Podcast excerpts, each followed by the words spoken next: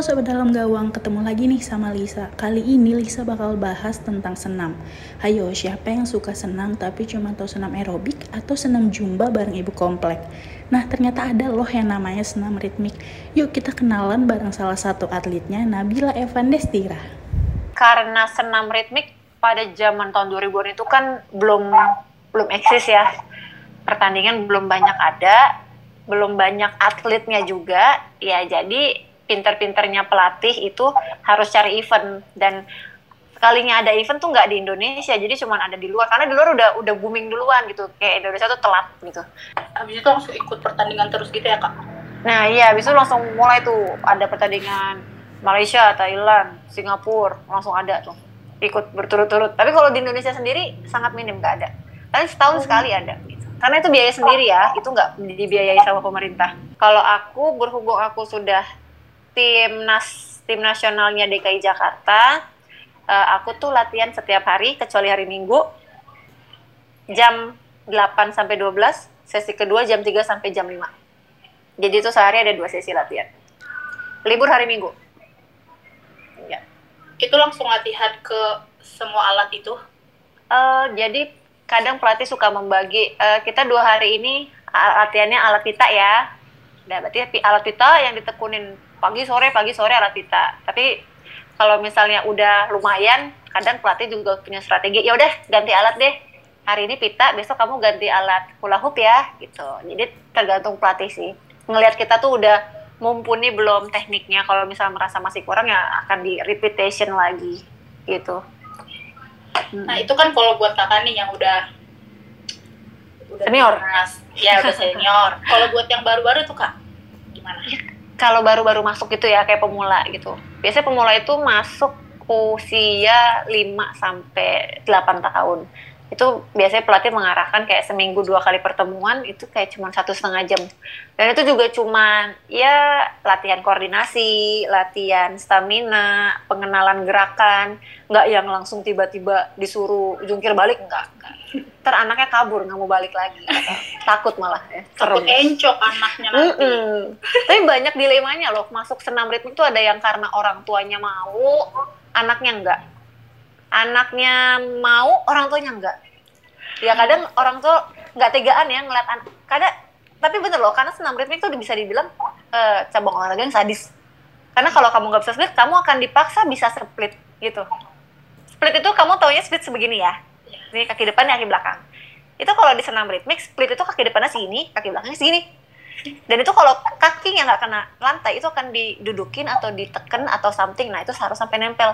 Kadang orang tua itu suka nggak teganya di situ. Tapi kadang anak ada yang mau. Ya bagus. Kadang anaknya takut sakit tapi maknya maksa gitu kan. Itu ada lagi. Pokoknya banyak tuh dilemanya. Harus tahan banting aja. Kalau emang mau menjurus ke prestasi ya. Salah satunya aku tahan banting. Uh berkeringat berdarah. Aduh bukan main itu latihannya. Tapi aku udah melewati masa-masa itu alhamdulillah udah tua sekarang udah nggak begitu lagi. Tapi kak kan pasti hmm. ada ada gerakan-gerakan yang sulit kan? Jelas. Itu uh, gerakan yang kayak gimana sih kalau gerakan sulit tuh? Kalau gerakan sulit karena senam ritmik itu kan perpaduan antara teknik gerakan alat sama nggak bawa alat lagi teknik gerakan alat sama teknik gerakan badan. Misalnya kamu melakukan ya contohnya misalnya gini bang gitu kamu ngelakuin gini ya. Ini alat nih. Gimana caranya kamu pegang kaki tapi alatnya tuh dilempar nggak jatuh? Nah jadi latihannya itu dibilang sulit ya semua sulit. Satu kita harus konsen sama gerak tubuh. Dua kita konsen dengan gerak alat. Nah itu gimana caranya kita harus sinkron itu kan? Nah itu latihannya tuh bisa ya diulang ribuan kali setiap hari berminggu-minggu berbulan-bulan tuh bisa sampai ratusan ribuan kali lah ya sulitnya semua gerakan bisa dibilang sulit. Memang. Yang yang nggak sulit apa ya? Nggak ada. Karena semuanya masih sulit. Intinya mau mau dilatih atau enggak gitu aja. Karena kan daya tangkap orang juga beda-beda. Kayak misalnya aku aku itu cepet nangkep koordinasi teknik alat. Cuman badan aku tidak ritmik banget maksudnya tidak ritmik banget tuh aku tuh bukan yang tipe lentur banget aku tuh bukan otodidak. Ada yang orang yang tanpa belajar split bisa split ya kan? Ada orang yang belajar uh, nggak belajar kayang dia bisa kayang. Kalau aku nggak aku orangnya tipe yang harus dikasih tahu oh ini kayak gini oh ini kayak gini baru bisa gitu kan? Tapi aku nggak terlalu punya fleksibilitas itu sih jadi aku lebih uh, ngedepankan kayak teknik alat. Jadi masing-masing orang tuh beda tingkat kesulitannya. Kalau aku lebih apa ya kalau sekarang sih nggak ngerasa banyak kesulitan sih karena mungkin materinya tekniknya udah didapat semua tinggal perlu maintenance kalau buat seusia aku beda sama yang junior karena mungkin mereka belum tahu banyak gimana sih cara ngelempar yang tinggi, gimana sih cara ngelempar terus tangkapnya pakai kaki gitu-gitu. Kan gerakan kita tuh aneh-aneh ya. Pokoknya ada aja deh. Jadi harus dibantu. Pokoknya tapi dibantunya sadis. Dibantunya sadis. Misalnya kayak kayang belum bisa sambil tengkurap tiduran terus tangannya ditarik ke belakang harus bisa pegang kaki di belakang. Ya itulah pokoknya cara-caranya. Dan dengan maintenance otot sering yang bagus juga, nggak asal yang penting lentur gitu, nggak karena kalau lentur nggak ada otot penunjang tercedera juga soalnya hmm. kalau pelatih kadang punya program uh, kita tahun ini ada tiga pertandingan yang akan kita ajuin jadi kayak kayak bikin apa sih namanya proposal gitu. Ada tiga pertandingan akan kita ajuin ke ke nah kita nyebutnya KONI DKI atau Pengprov DKI gitu ya. Maksudnya pemerintahnya. Kita akan ajuin ke pemerintah itu ada tiga bertanding tapi yang lolos masih belum tahu. Udah ajuin terus ternyata yang jebol cuma satu. Ya udah terima. Nah misalnya udah jebol satu udah berangkat sisanya dua lagi yang mau bertanding biasanya pelatih itu tetap ngajuin lagi proposal. Tapi enggak misalnya kayak oke okay, cuma dibayarin tiket pesawat. Oke okay, cuma dibayarin uang sakunya aja. Jadi kayak nggak full gitu. Ya karena nggak tahu juga ya apa eh, apa pertimbangan mereka nggak membiayai. Mungkin adalah pas pengajuan proposal kayak gitu pernah nggak sih ada kendala mungkin kayak nggak ada dananya nih atau kayak gimana gitu pernah nggak? Pernah dong kalau kayak gitu mah. Pernah. Jadi kalau misalnya ketika banyak event di tahun itu misalnya kayak uh, ada pertandingan Popnas, ada pertandingan PON, ada pertandingan Asian Championship, misalnya berbarengan di satu tahun. Mereka nggak bisa jalanin tiga-tiganya. Gitu. Jadi harus harus dipilah-pilih yang prioritas tuh yang mana. Jadi misalnya pelatih ya udah kita ambil yang Asian Championship. Ya udah berarti berangkat Asian Championship. Jadi bukan bukan berarti mereka nggak membiayai tapi mereka lebih straight untuk pengeluaran anggarannya sih. Kalau menurut aku ya pribadi tapi aku nggak tahu di sananya gimana. Kendalanya sih ada jadi kendalanya tuh ketika kita pengen bertanding tapi mereka nggak nggak bisa biayain. Ya udah akhirnya keluar dari kacek sendiri kan dari dompet sendiri itu hmm. itu sering kayak gitu kak? Ya lumayan sering. Kadang kadang nekatnya gini ya udah kita berangkat dulu nanti setelah tanding baru bisa nggak ya di reimburse? Ngerti kan di reimburse? Jadi ya nanti siapa tahu bisa dikasih 20% balik lagi duitnya gitu kan. Kadang ada aja tuh tembus. Ya udah nih buat mengganti uang uang makan kemarin ada aja. Tapi ya walaupun nggak bisa ngarepin 100% balik gitu. Ya tapi ya nggak apa-apa lah. Maksudnya kan kalau bertanding itu kan buat pengalaman kita berlatih tanding ya. Jadi kalau kita latihan terus tidak ada uji coba tanding itu juga nggak bisa. Karena kita itu bertan eh, berlatih itu untuk peak performance-nya bertanding ketika kita bertanding itu sama berlatih itu beda rasa jadi bertanding itu ada penonton bertanding itu ada wasit, ada orang tua nonton atau siapa pun itu ada pengaruhin mentalnya dong. Ya kan ada grogi pastilah kita kayak tiba-tiba nyuruh disuruh nyanyi depan panggung gitu. Pasti grogi kan ya. Grogi. Itu kalau nggak dilatih mentalnya nggak akan bisa. Ya coba kalian bayangin ya, kita ada gerakan lempar-lempar gitu. Pam-pam lempar, roll-roll segala macam nangkep lagi. Itu dilatih ratusan ribuan kali di saat latihan itu ketangkep oke. Okay. Ketika bertanding itu beda rasanya itu beda rasanya benar itu bisa aja tuh bola nggak ketangkep kayak kadang tangan jadi uh, apa tuh rada gemeter kadang jadi tangan tremor. jadi basah iya jadi begitu makanya itu perlu banget makanya pelatih itu perlu banget ngajuin banyak pertandingan ke, ke pemerintah. U, apa namanya ujung-ujungnya di ACC atau enggak pokoknya ajuin dulu aja. Pokoknya begitu?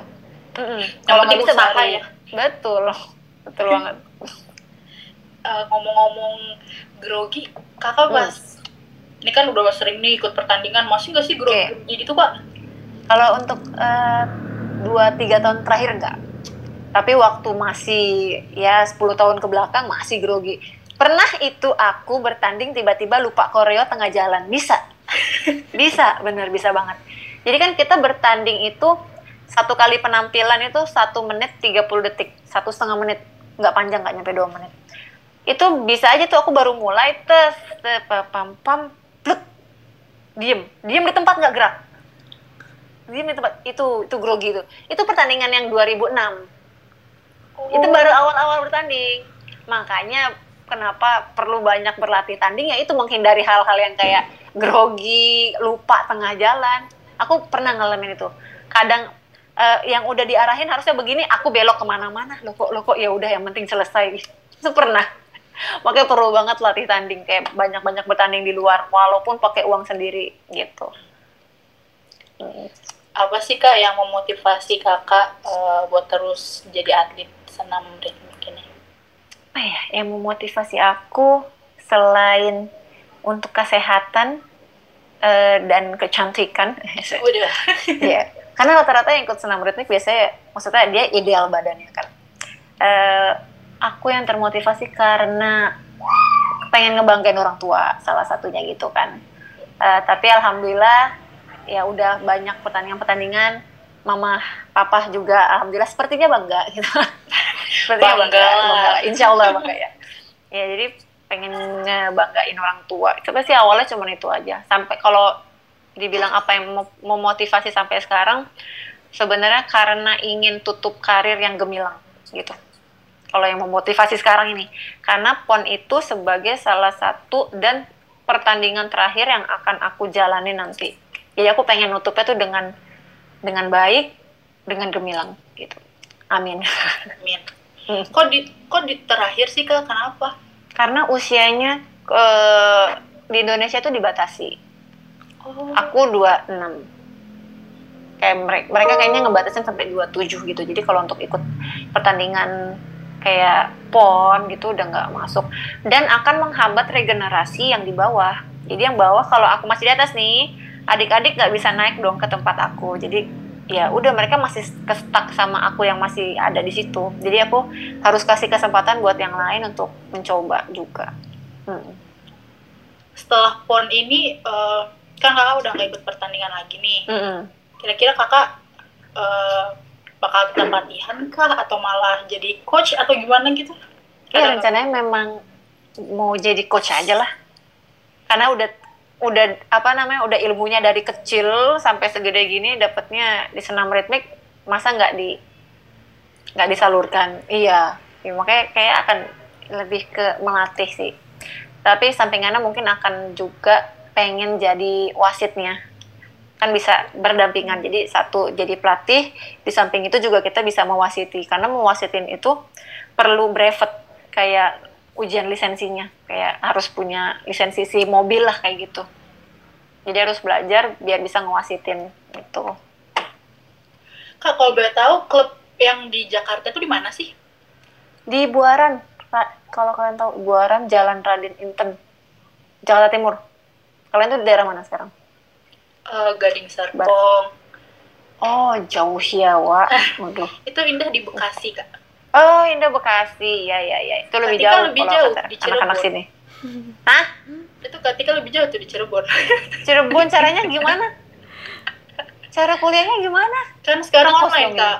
Oh, oh berarti maksudnya karena sekarang lagi pandemi jadi pulang dulu gitu ya? Iya bener banget. Ah, iya iya iya. Enak juga ya. Tau gitu gue kuliah lagi nih sekarang. Ah. Kuliah online. Kakak senam ritmik aja nggak usah kuliah puyeng. Iya, nggak apa deh. Enak Oke. ya. Cuman ada di Jakarta doang dan itu satu-satunya. Kalau di Jakarta. Cuman ini doang. Yang Di klub Buaran. yang untuk mengarah ke prestasi ya. Sisanya rekreasional adalah satu dua. Hmm, Gitu. Kak kalau boleh tahu klub yang di Jakarta itu di mana sih? Di Buaran. Kalau kalian tahu, Buaran Jalan Raden Inten. Jakarta Timur. Cuman ada di Jakarta doang dan itu satu-satunya. Kalau di Jakarta. Cuman ini doang. Yang Di klub yang untuk mengarah ke prestasi ya. Sisanya rekreasional adalah satu dua. Harusnya 2020 lalu itu kita bertanding ke Yunani. Gara-gara COVID akhirnya kita nggak jadi bertanding. Itu udah bayar hotel, itu uang sendiri loh, itu nyesek banget sih. itu udah bayar hotel, udah bayar pesawat, udah bayar biaya pertandingan. Dan akhirnya yang cuma bisa di refund setengah bayar hotel dan setengah bayar pesawat. Sisanya nggak bisa balik. Oh, sedih banget dengernya. Sedih banget sih parah, tapi ya udahlah ada hikmahnya memang nggak boleh apa-apa. Itu dibatalin berarti pertandingannya. Dari pihak sananya juga dibatalin kan pas banget pengumuman nggak boleh ada terbang ke luar negeri kalau nggak salah waktu itu di sini. Pas covid tuh baru-baru muncul lagi tuh loh itu pertandingan Maret 2020. Oh, baru, Baru banget, Indonesia. baru banget. Udah di lockdown Makanya baru- itu, Pak. Iya. Baru lockdown kan, makanya Iya, bener. ya Allah gini amat sih. Jadi buat apa namanya buat tahun-tahun terakhir aja banyak banget cobaan. Nyesek sampai ke tulang ya, Kak. iya aduh, the bone pokoknya. Aduh, pamungkas Said. Oke, sebelum ke sebelum kita menutup sesi bincang-bincang sesi Oke, kita ini, Oke oke. eh, boleh nih Kak eh, kasih tips buat teman-teman mungkin ada yang mau jadi atlet senam ritmik mungkin boleh nih Oke. kasih tips apa Kalau- gitu Kalau dikasih tips, sebenarnya ikut senam ritmik itu yang perlu adalah mental tahan banting. Itu dia. Jadi, karena pembentukan menjadi atlet senam ritmik ini adalah di luar orang biasa, di luar orang normal. Jadi harus bisa tahan banting mental, harus mau capek. Dan selain itu juga faktornya juga dari segi eksternal kita harus melihat si tubuh anak itu apakah dia menunjang atau tidak untuk mengikuti cabur senam ritmik ini. Karena kalau misalnya dilihat dia genetiknya eh, badan panjang kaki pendek itu akan susah. Kita lebih mencari yang kaki panjang. Itu. Jadi kayak aku, aku dulu itu ikut senam dengan perut gendut, kaki pendek, pokoknya bantet. Aduh udahlah pokoknya semua itu. Tapi gara-gara ikut ini dan emang anaknya tahan banting juga gitu. Jadi aku memang genetik bokap rada tinggi. Jadi aku kebantu dari dari senam ini kebantu panjang kebantu tinggi. Dan kakinya itu juga harus kayak lurus. Nggak bisa kaki yang O nggak bisa kaki yang X. Jadi tipsnya harus mempersiapkan mental. Udah situ aja harus tahan capek dan mau sakit. Kalau nggak mau sakit nggak bisa. Udah harus pasrah anaknya kalau nggak pasrah saya bye-bye aja ya Kak Iya, susah juga pembentukannya betul. berarti kayak kalau misalnya mau ikut senam mau jadi atlet kayak gini tuh kayak ada seleksi dulu nih misalnya ada 10 anak diseleksi dulu atau kayak ya udah ikut pelatihan dulu gitu Biasanya karena karena kita cabang olahraganya minim yang tahu, jadi semuanya dimasukin dulu. Ya udah. Nanti dari 10 itu biasanya pelatih bisa melihat, oh eh, empat dari 10 anak ini ternyata bisa kita arahkan ke prestasi. Jadi lebih intensif latihannya. Yang lain misal latihan seminggu dua kali, bisa nih kita anak ini kita naikin ke seminggu tiga kali, seminggu empat kali gitu. Nanti yang sisanya anak-anak ini tetap tetap akan kita bina, kita akan latih juga, cuman porsinya beda dengan anak yang ini. Jadi mereka lebih diarahkan yang rekreasional. Tahu kan rekreasional jadi kayak untuk yang have fun gitu. Pertandingannya juga yang yang ya nggak terlalu berat lawannya antar antar klub aja biasanya gitu. Dia dia nggak nggak bisa bawa nama Indonesia yang gimana gitu. Tapi tetap bisa bawa nama Indonesia tapi dengan bawa nama klub juga. Tapi kalau yang udah misal dipilih yang empat orang an- anak ini tadi akan dilatih terus dikasih tanggung jawab uh, abis dikasih tanggung jawab terus latihannya tuh bener-bener ya udah sekolahnya kadang eh, latihan first sekolah second gitu. Harus bisa begitu. Iya karena kalau kita bertanding itu kita bisa sampai satu bulan izin nggak sekolah. Jadi izin izin jadi dapat surat dari dinas olahraga bahwa anak ini bernama ini bersekolah di sini. Izin tidak mengikuti eh, kegiatan sekolah selama satu bulan karena akan mengikuti pertandingan olahraga apa gitu. Nah itu struggle di situ juga tuh. Kadang ada guru yang oke, kadang ada guru yang enggak. Walaupun udah dikasih surat ya, jangan salah. Jadi nggak semua guru bisa menerima eh, toleransi apa, sebagai atlet gitu, nggak bisa. Karena kadang ada guru yang ya udah kamu ngerjain tugas aja ya, ya udah. Kadang ada yang guru pengen mintanya hafalan, bu boro-boro bu hafalan buka buku aja enggak, saya latihan doang bu jungkir balik gitu. Kerjanya cuma gitu doang ya, jadi ya dilemanya gitu sih. Ada sekolah, ada kuliah banyak. keren banget tapi emangnya sih kak kan eh, teman-teman aku juga ada yang atlet cuman memang Hmm. bukan senam dekmik atlet Iya. ada yang eh, sepak bola basket sama gitu. semua sama, iya bener. sih. Bener banget kayak kakak itu. bilang izin satu bulan gak datang. Iya. Terus ada aja tuh guru yang rese kayak itu tuh makanya harusnya tuh pelajaran lebih utama gini gini. Gini betul ya sering banget dinyinyirin pernah nggak cuma- digituin guru kak? Atau aku dosen? bukan bukan uh kalau dosen mungkin dia karena bodoh amat nggak yang penting nilai UTS uas masuk tugas masuk Hmm. gitu kan yang penting kalau absen kan kalau ada izin ya tinggal nilai absen aja izin izin izin bukan alfa yang penting. Kalau sekolah aku SMA pernah loh dikasih nilai olahraga itu empat. Empat. Kok bisa? Demi demi wallahi empat dikasih itu beneran. Dikasih empat gara-gara memang itu mau pertandingan pekan olahraga pelajar. Itu pas SMA kelas 1 deh olahraga pelajar kasih nilai empat gara-gara aku nggak ikut kelasnya dia memang nih kayak gurunya tuh udah tua gitu ya rada sedikit hmm, kolot gitu ya Oke, rada sedikit gitu. Dan itu dikasih nilai 4 karena aku nggak ngikutin ujiannya dia. Dah, habis itu aku bilang sama pelatih dong, "E, coach ini aku nggak enak nih dapat nilai 4, tapi pelajarannya olahraga. Kalau matematika nggak apa-apa deh. Ini olahraga gitu ya? Lah gue udah olahraga gitu ya, kali gue nggak bisa. Udah, oh gitu, siapa gurunya? Dah, akhirnya diutus lah, ada tuh. Pasti kalau kayak gitu ada yang backup ya ya walaupun ujung-ujungnya ya udah kamu ngerjain ini kan baru ya udah ujung-ujungnya cuma dapat nilai 7 ya udah yang penting kan biasanya di atas KKM ya dulu mah gitu kan di atas 75 lah berapa yang penting lulus gitu kan kalau 4 tuh udah merah dong maksudnya masuk masuk rapot juga merah kan ya udah akhirnya kalau enaknya atlet ya kayak privilege-nya atlet tuh ada yang backup ketika ada yang macem-macem gitu di sekolah ada yang nggak ngasih izin ada yang ngasih nilai jelek tuh ada yang backup biasanya salah satunya sih itu itu seru banget sih itu nilai olahraga 4 keren kocak sih padahal yang dipertandingin juga olahraga gitu ya. Iya mungkin ya kan it- eh, aku bilang lagi balik lagi ada guru yang bisa toleransi ada enggak gitu. Ada yang pengennya ya pokoknya kalau nggak ikut pelajaran saya ya enggak gitu. Gitu, Ya udah. Tapi udah akhirnya ya win-win solution sih. Ya udah kamu tetap ngerjain ini pokoknya sampai batas waktunya segini. Oh iya udah akhirnya ya udah nurut-nurut aja kerjain tuh. Habis latihan pulang kerjain. Nah iya ngantuk-ngantuk.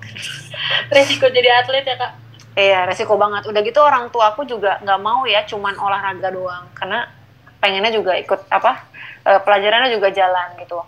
Karena aku tadinya kuliah itu pengennya ngambil kayak IKJ atau seni musik atau seni taris. Pokoknya seni lah. Maksudnya kan masih sejalan ya sama yang apa yang aku kerjain.